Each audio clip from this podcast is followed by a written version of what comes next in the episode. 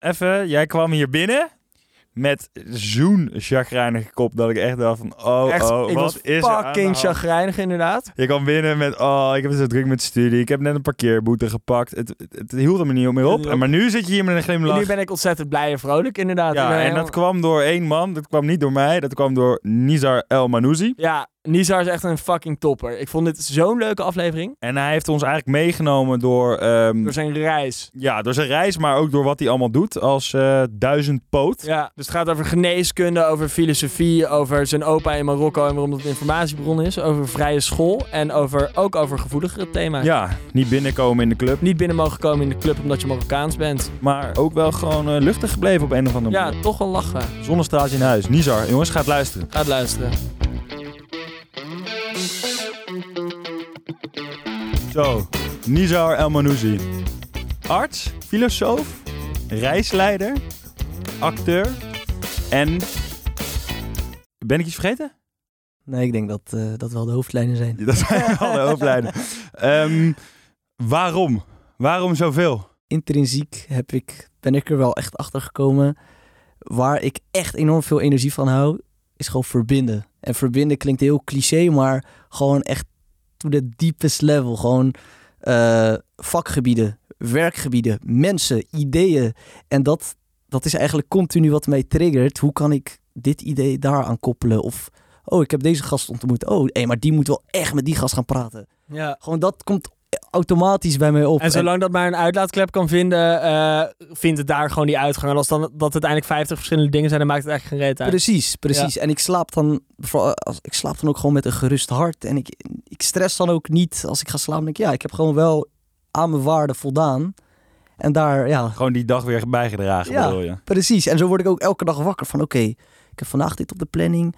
Maar hoe kan ik misschien dat aan elkaar verbinden? Of kan ik dat misschien sneller managen, waardoor ik dat ja, Ja. met elkaar gewoon alles... eh, inderdaad, inderdaad, even een stapje terug Ja. dus. Dus je bent op een gegeven moment ben je geneeskunde gaan studeren. Ja. Nou, daardoor word je dan arts. Dan Ja. ben je filosofie, bachelor master gaan studeren. Daardoor word je dan filosoof. Daarnaast ben je dus inderdaad veel vrijwilligersdingen aan het doen. Maar ook altijd geacteerd. ja. Het zijn niet inderdaad dingen die je meteen met elkaar zou matchen. Dus waar komt dan misschien van vroeger eh, die drive vandaan? Ja, nou, ik heb vroeger op een eh, vrije school gezeten. En een eh, vrije school, dat is, eh, ja, is een beetje de, ja, de luchtige, geestige, zweverige school, zoals het vaak wordt genoemd. Maar Veel tekenen. ja, veel tekenen. He- het is, maar het is echt heel erg gericht op de mens zelf. En als persoon, wie ben jij als persoon? Dus je gaat ook gewoon, elke jaar ga je over. Het boeit echt niet welke cijfers je haalt. Het gaat er gewoon om, ontwikkel jij je tot de persoon die je wilt zijn. Nou ja, alleen al deze zin klinkt al heel zweverig. Moet het zo maar- wat concreter maken, Ja. maat. Want dit gaat eh, niet de goede kant op. Ja, Maar het, het werkte wel heel goed voor jou dus. Ja, ja, ja, want kijk, op een gegeven moment leer je van, oké, ik ben hierin geïnteresseerd en hierin, eh, hieruit haal ik heel veel energie. En dat is toen ik bijvoorbeeld geneeskunde ging studeren. Toen ik, het begon eigenlijk al eerder. Ik zat op de middelbare school en toen had je een, eh, toen had je een academisch programma vanuit het Erasmus MC. En dat eh, was Junior Medical School en dat selecteerde dan de top studenten, toekomstige eh, artsonderzoekers uit Nederland. Ja. En dat volgde ik twee jaar. En dan kon je gelijk geneeskunde binnenkomen. Maar toen ik geneeskunde binnenkwam, dacht ik... Wow, er is nog veel meer waarbij ik mensen kan helpen, inspireren.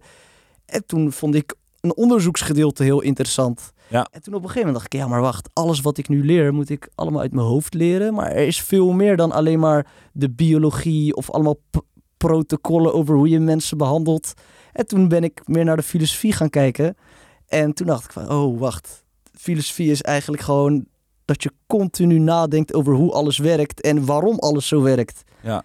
En ja, eigenlijk dat was de trigger toen ik filosofie ging doen van, oh, er is zoveel te vinden in deze wereld en Ja. zoveel met elkaar te verbinden. Dus dat is een beetje hoe ik het eh, achteraf zo Maar, je- zie. maar je openheid en ehm, je nieuwsgierigheid en je focus op persoonlijke ontwikkeling, die komen misschien allemaal dus een beetje vanuit die- dat vrije schoolklimaat. Ja. Eh, Maar je bent, komt ook heel erg positief over. Je zit er met Ja. een enorme grijns. Je zegt, Ja, ik, word wakker met het idee, hoe ga ik vandaag verbinden?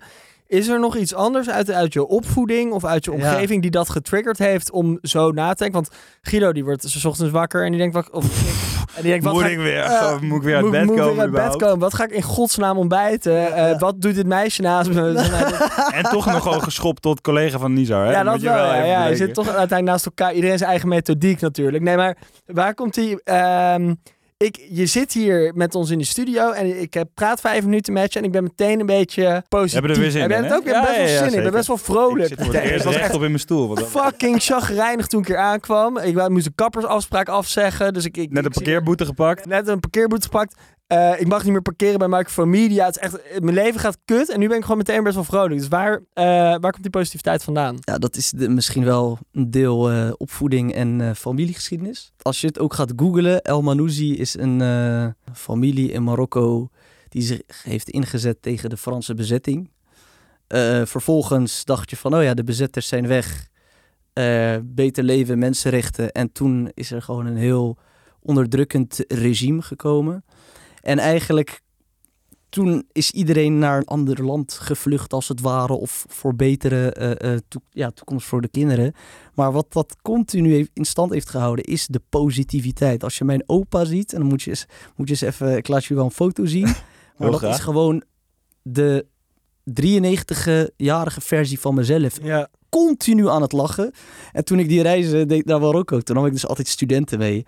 En dan gingen we altijd langs bij mijn opa. En mijn opa is dan zo gek als een... Maar wacht even, je Ja. ging reizen naar Marokko en nam studenten mee. Dat, hoe eh, werkt het überhaupt? Ja, oké, dat was dus ook tijdens mijn opleiding. Toen dacht ik, ja man, de mensen hebben gewoon geen beeld van Marokko. Hè? Je Ja. kan, eh, weet ik, van naar Marrakesh gaan, dan ben je een soort eh, wandelende portemonnee. Surf in Takazoet. Ja, nou ja, Ja. nou ja, goed. Je hebt allerlei toeristische plekjes, maar je hebt ook bijvoorbeeld het idee dat, oh, alle Marokkanen gaan in de zomer naar Marokko en we gaan dikke bakken huren en dat is Marokko, want Marokko is het land waar alles mogelijk is. Maar Marokko heeft zoveel meer te bieden en ik dacht, ja, er moet gewoon een soort sociale ingang zijn voor Marokko. En toen dacht ik, Explorocco. dus Exploring Morocco. Ja, ja, we begrepen hem Ja, niet ja, zo. Dus- Simon studeert in Engeland, dus wat dat betreft, als ik hem al snap, dus, eh, heb jij hem? Ja, ik heb hem, ja, hij is aangekomen. Maar en toen ben jij gewoon studenten meegenomen naar Marokko. En eh, ging je ze daar langs je opa trekken en alle Oh, plekjes laten lachen man, ja. Dus Maar wat voor groepen ging dat dan? Eh, eerst studenten. Eh geneeskundestudenten. Toen allemaal eh, studenten vanuit, eh, weet ik veel, bedrijfskunde. andere, andere faculteiten van de Erasmus Universiteit. Toen op een gegeven moment gewoon een groep artsen. Toen op een gegeven moment een groep van 40 medische studenten in het kader van een educatief curriculum in Marokko. maar zo is dat uitgegroeid. Maar en toen is jouw vader dus, dus zoon van je opa, ja, naar Nederland gekomen. ja, als eerste Marokkaanse student aan de Erasmus Universiteit. En is dat iets waar jij gewoon echt trots op bent, waarvan je ook denkt misschien van dit, ik moet dit, eh, nou niet overtreffen wordt misschien lastig, maar wel Ja. gewoon in stand Ja, houden en dat soort dingen? Dat vind ik een hele goede vraag. Want ehm, als ik ook eerlijk kijk, kijk, ik kan natuurlijk.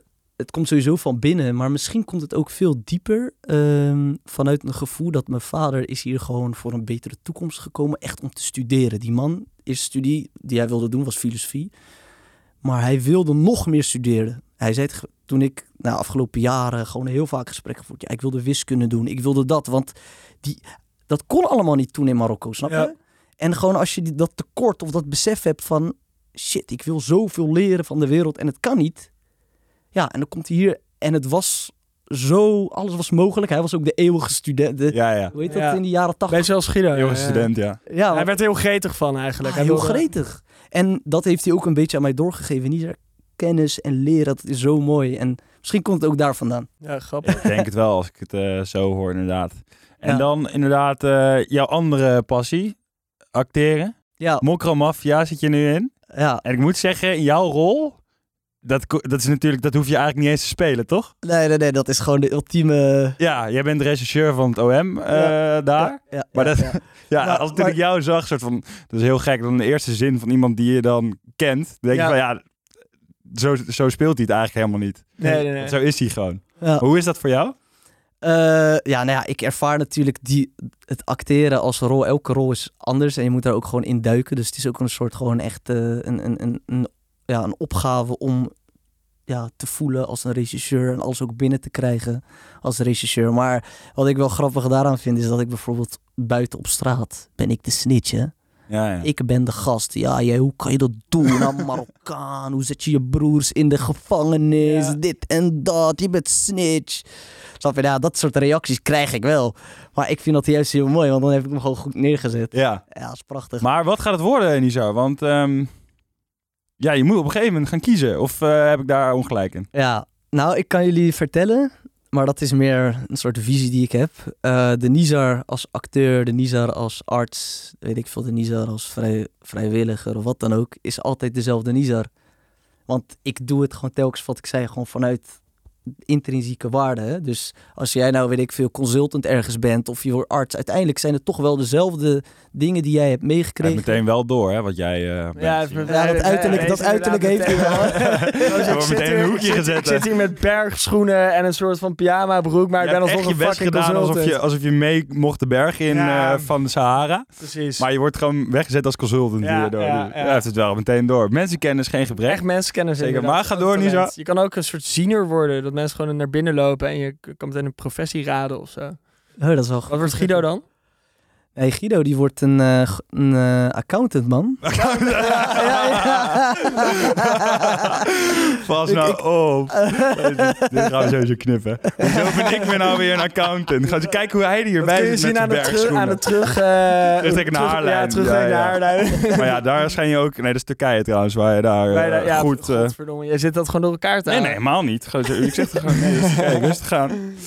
Nisa, ik wil jou even meenemen naar een eh, scène uit eh Mokamaf. Ja, Het is een scène waarin jij ehm Bilal Wahib aan het... eh Bilal Wahib. ja, jij kan Bilal, beter. Bilal, Bilal, Groe. ik ga het niet meer proberen.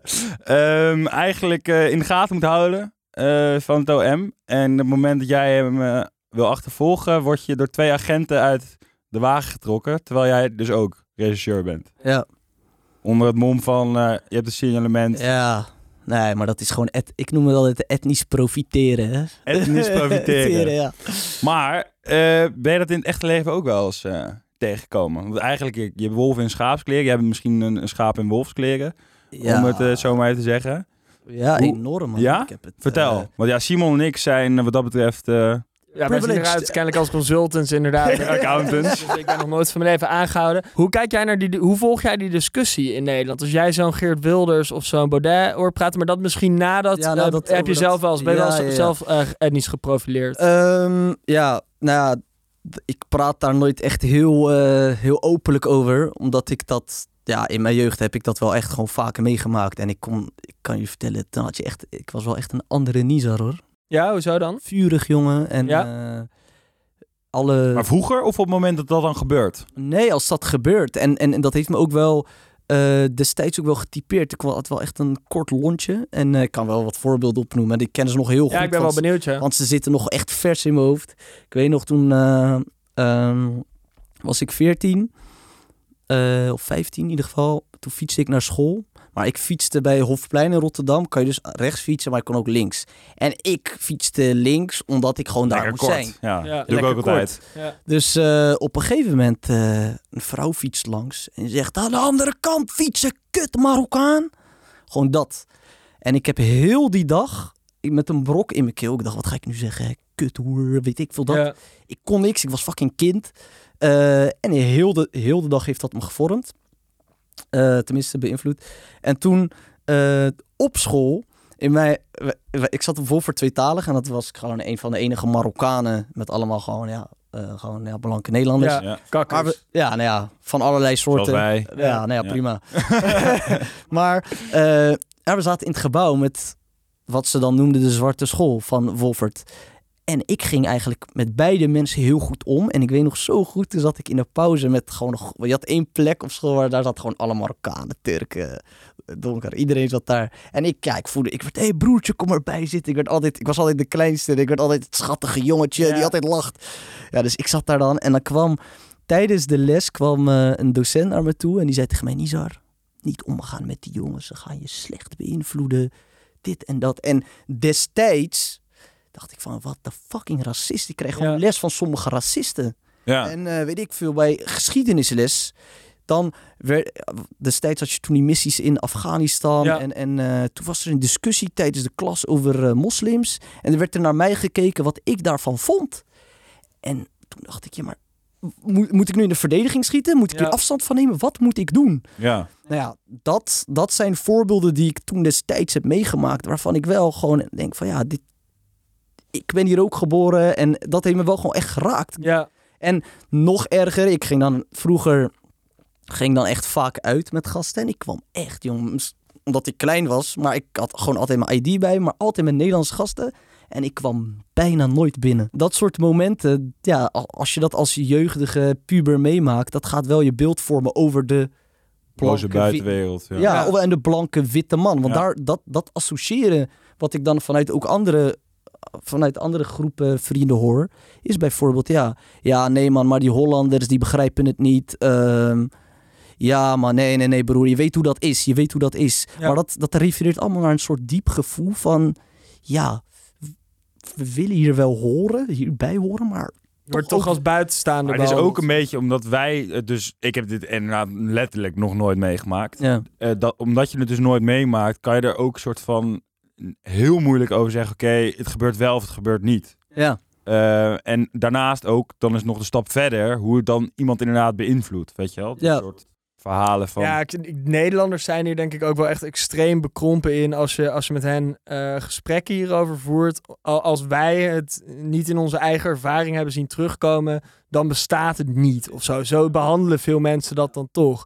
Maar mijn volgende vraag zou eigenlijk zijn, jij zegt het, het deed best wel veel met jou, maar ja, dat heeft verder niet je ambities of zo verkeerd beïnvloed. Denk je dat dat op macroniveau in Nederland wel heel veel gebeurt? Dat mensen, doordat ze in zo'n hoekje worden gestopt of doordat ze een beetje buiten de andere groepen worden geplaatst, in een bepaald hoekje worden ge- Ja. geduwd, zich daar ook naar gaan gedragen? Denk Ja. je dat dat een groot mechanisme is in de integratie? Enorm, Ja. enorm, enorm. Want ehm, het moment dat jij bijvoorbeeld ervaart van oké, dit zijn bepaalde uitsluitingsmechanismen, of het nou institutioneel is, eh, Ja. weet ik veel, dat je eh, wordt geweigerd op sollicitatie vanwege je naam, of Ja, eh, inderdaad. Maar ook bij een club lijkt me vreselijk als je 16 tot 18 bent. Ja, precies dat. Of weet ik veel, op school, dat een docent, dat zijn allemaal dan echt in organisaties, maar ook gewoon in het publieke domein. Dat zijn wel echt momenten waarop je dan ook niet meer kan zeggen, ja, is je eigen verantwoordelijkheid dat jij het moet gaan halen. Daar kan jij, je moet daar overheen stappen. Dat, dat is echt wel moeilijk hoor.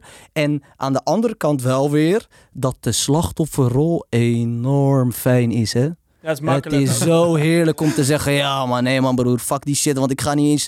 Ik ga niet niet profiteren waar je het over ja, nee, maar precies. Nee, maar dat is dan ook weer andersom. Want dat is wel wat veel boys, jongeren gewoon wel denken van ja, ik kom er toch niet tussen. Ja, Maar dus dan denk je, fuck it, Ja. dan eh, ga ik ook maar achteroverleunen en zeg ik van, oké, jullie, eh, jullie hebben het voor me verneukt. ja, precies. Terwijl de realiteit nu wel echt, tenminste... Genuanceerder er zijn- Ja, genuanceerder. Er zijn echt kansen, er zijn instanties. Alleen hoe je mensen ook daarbij bereikt. Bijvoorbeeld als je gaat kijken, weet ik veel, naar... eh, ja, we gaan een mooie diversiteitscampagne doen. Ja, we gooien er even een paar donkere paar moslima's Ja. tussen. Dat is niet het enige waarmee je mensen bereikt. En dat is denk ik ook hoe je integratie dan, als je dat echt wil aanpakken op een lange termijn, niet alleen maar die kleine dingetjes, maar ook gewoon zeggen, luister, wij zorgen gewoon dat voor de beeldvorming, dat mensen zich kunnen herkennen in een Fatima, in een eh, Sergio, in, een, in een LGBT iemand. Dat is allemaal ook beeldvorming en dat helpt, vind ik zelf, Ja. om op lange termijn dit soort echt gewoon die ja dat we gewoon Nederland in 2060 denken van ja man ik zie er anders uit dan jij ik zie er anders uit dan jou maar alsnog delen we wel dezelfde waarden Ja, en heb je daar vertrouwen in op dit moment? Want ik heb het idee dat er wel inderdaad stappen worden gemaakt, maar gaat misschien te langzaam.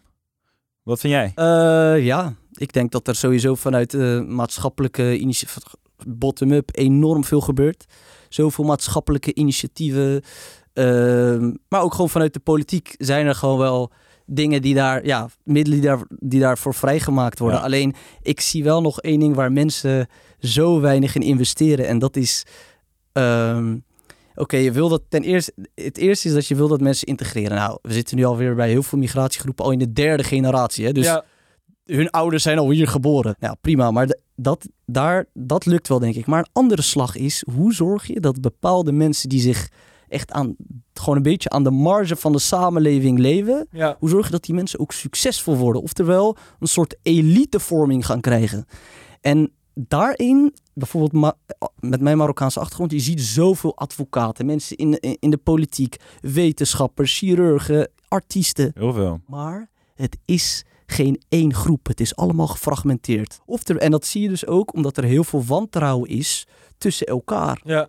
En netwerkvorming, dat, ik denk dat dat een van de belangrijkste dingen Dus is. vanuit de Marokkaanse gemeenschap dan zelf zouden ze eigenlijk meer... Je hebt eigenlijk al wel die voorbeelden in verschillende sectoren. Enorm, enorm. Maar er wordt nog te weinig gezegd. Wij staan hiervoor, zie je. Ik ben hier ook zo en zo gekomen. eh, Juist. pak maar mijn hand, zeg maar. Ja, en dat dat ook en dat dat dan ook wordt soort van vertaald naar iets dat buiten alleen maar afkomst gaat, maar van hé luister, als je dus daar wil komen, dan zijn dit de stappen die je kan ondernemen en deze mensen kun je erbij helpen. Ja. Die rolmodellen ook. ja, eh, dat en een soort netwerkvorming Ja. vorming en solidariteit. Bijvoorbeeld, hey, ja, hey, ik ken een gast die eh, kan jou daar wel bij helpen en dat er niet te veel eh jaloezie daarin is Ja. en dat je elkaar gewoon gunt. Ja, en wat zou je... Even, want ik, Ja. ik vind Giet en ik moeten hier ook vooral heel zelfkritisch in staan. Ja, Wat, zou je, wat zouden wij, denk je, beter kunnen doen? Nou, we kunnen wel heel even...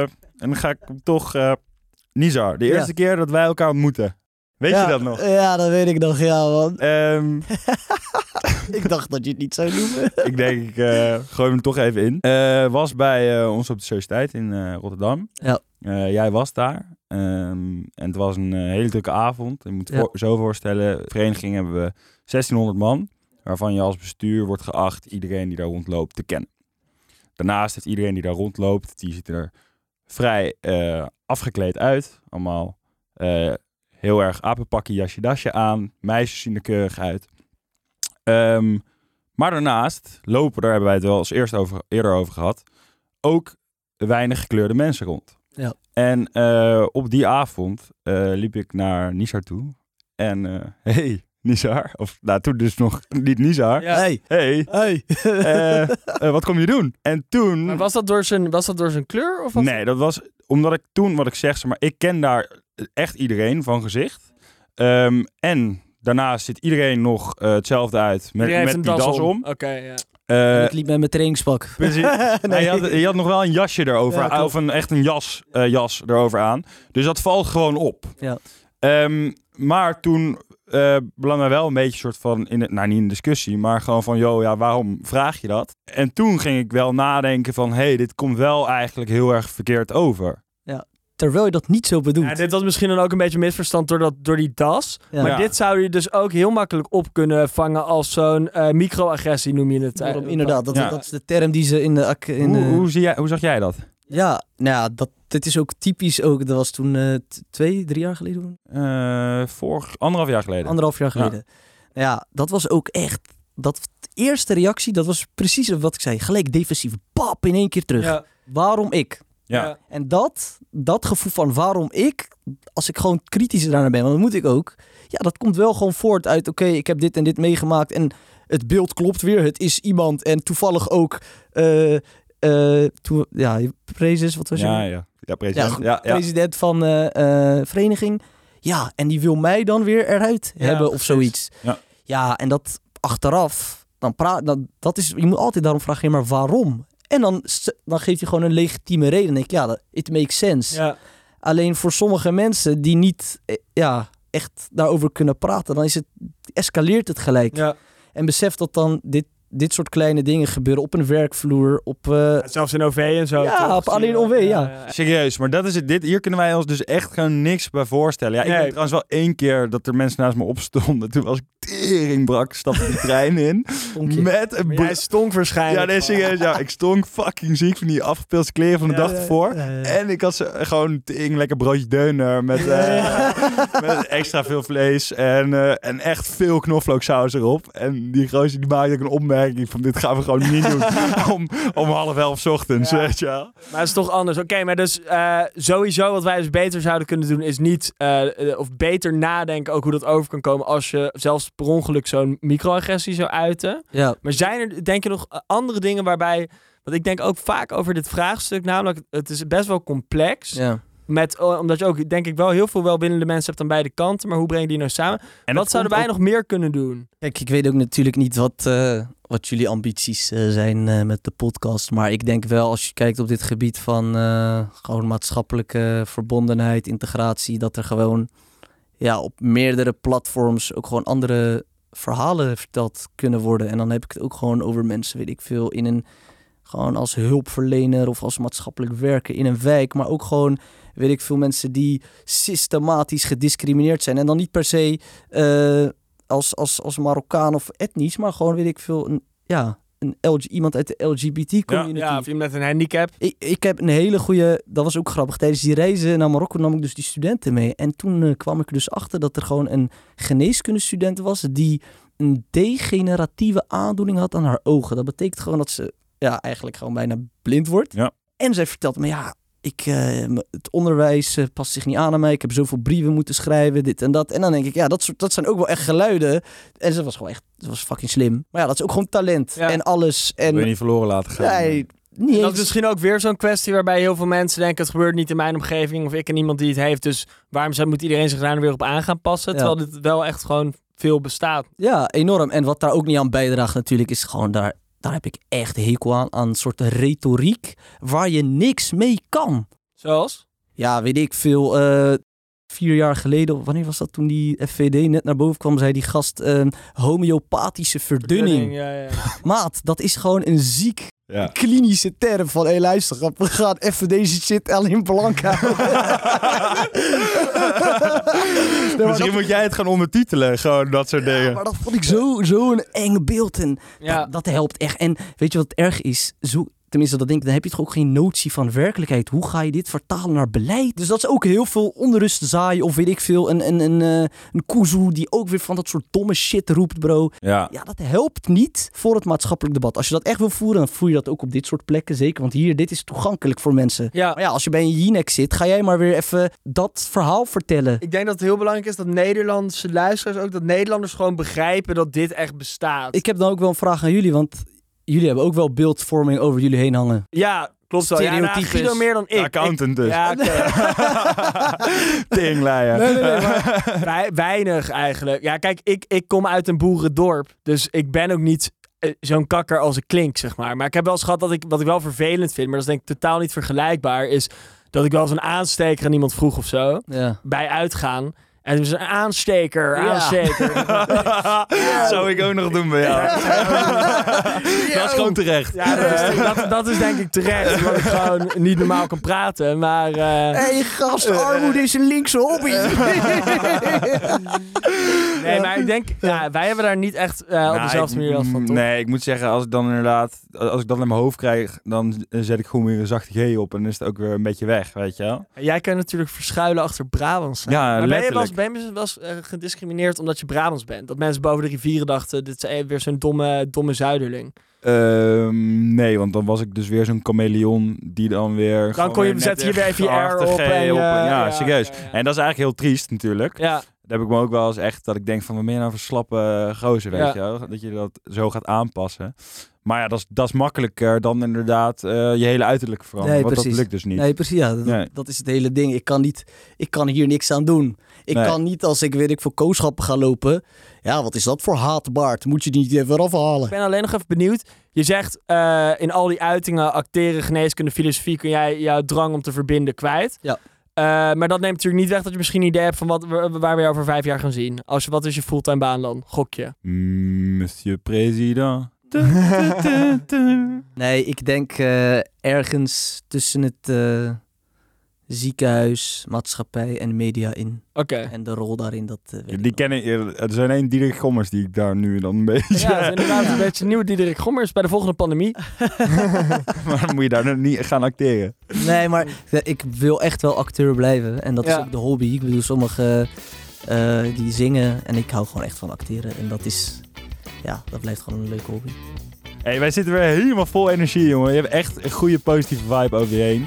Dat weet je zelf ook al. Ik eh, waardeer het enorm dat ik hier mocht komen, echt waar. Ja, dankjewel dat, je, dat je de tijd maakte. Alright, Ciao, ciao.